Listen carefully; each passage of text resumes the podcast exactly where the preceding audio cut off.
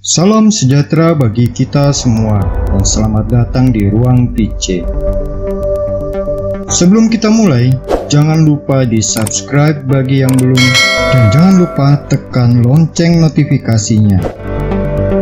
Selamat mengikuti. Sahabat Ruang PC, setelah mengikuti proses pembentukan kitab suci perjanjian lama, pada episode kali ini kita akan membahas kitab suci perjanjian baru.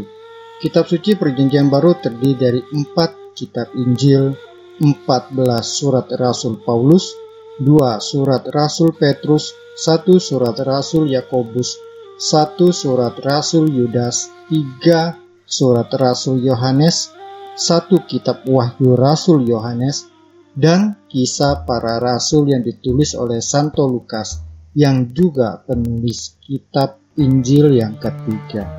Kitab suci perjanjian baru yang pertama-tama ditulis adalah 1 Tesalonika sekitar tahun 50 Masehi dan yang terakhir adalah kitab Wahyu Yohanes pada sekitar tahun 90 sampai 100 Masehi.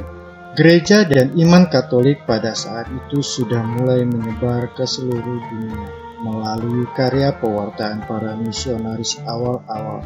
Mereka adalah para saksi iman gereja Katolik yang awal-awal setelah kenaikan Tuhan Yesus ke surga. Pewartaan tentang Tuhan Yesus disampaikan dengan cara lisan, berkatekese, dan liturgi. Gereja Katolik menetapkan kitab perjanjian baru. Gereja Katolik secara berkesinambungan melalui sejumlah uskup meneliti sejumlah teks-teks yang ada kemudian menentukan sejumlah teks-teks itu sebagai inspirasi Allah atau teks-teks ilahi atau teks-teks yang biblikal. Uskup-uskup yang membuat daftar kitab-kitab yang diakui sebagai teks yang berasal dari inspirasi Allah adalah satu Mileto, Uskup Sardis pada tahun 173 Masehi. 2. Santo Irenaeus, Uskup Lyon, Prancis pada tahun 185 Masehi. 3. Eusebius, Uskup Kaisarea pada tahun 325 Masehi. Kemudian dilanjutkan lagi pembahasannya di dalam sejumlah konsili yang berlangsung.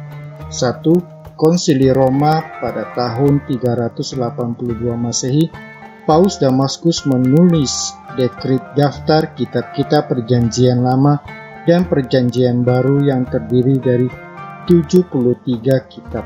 Kedua, Konsili Hippo di Afrika Utara tahun 393 kembali menetapkan ke-73 kitab-kitab perjanjian lama dan perjanjian baru. Ketiga, Konsili Kartago di Afrika Utara tahun 397 gereja dengan otoritas menetapkan kanon yang sama untuk Alkitab Perjanjian Lama dan Perjanjian Baru.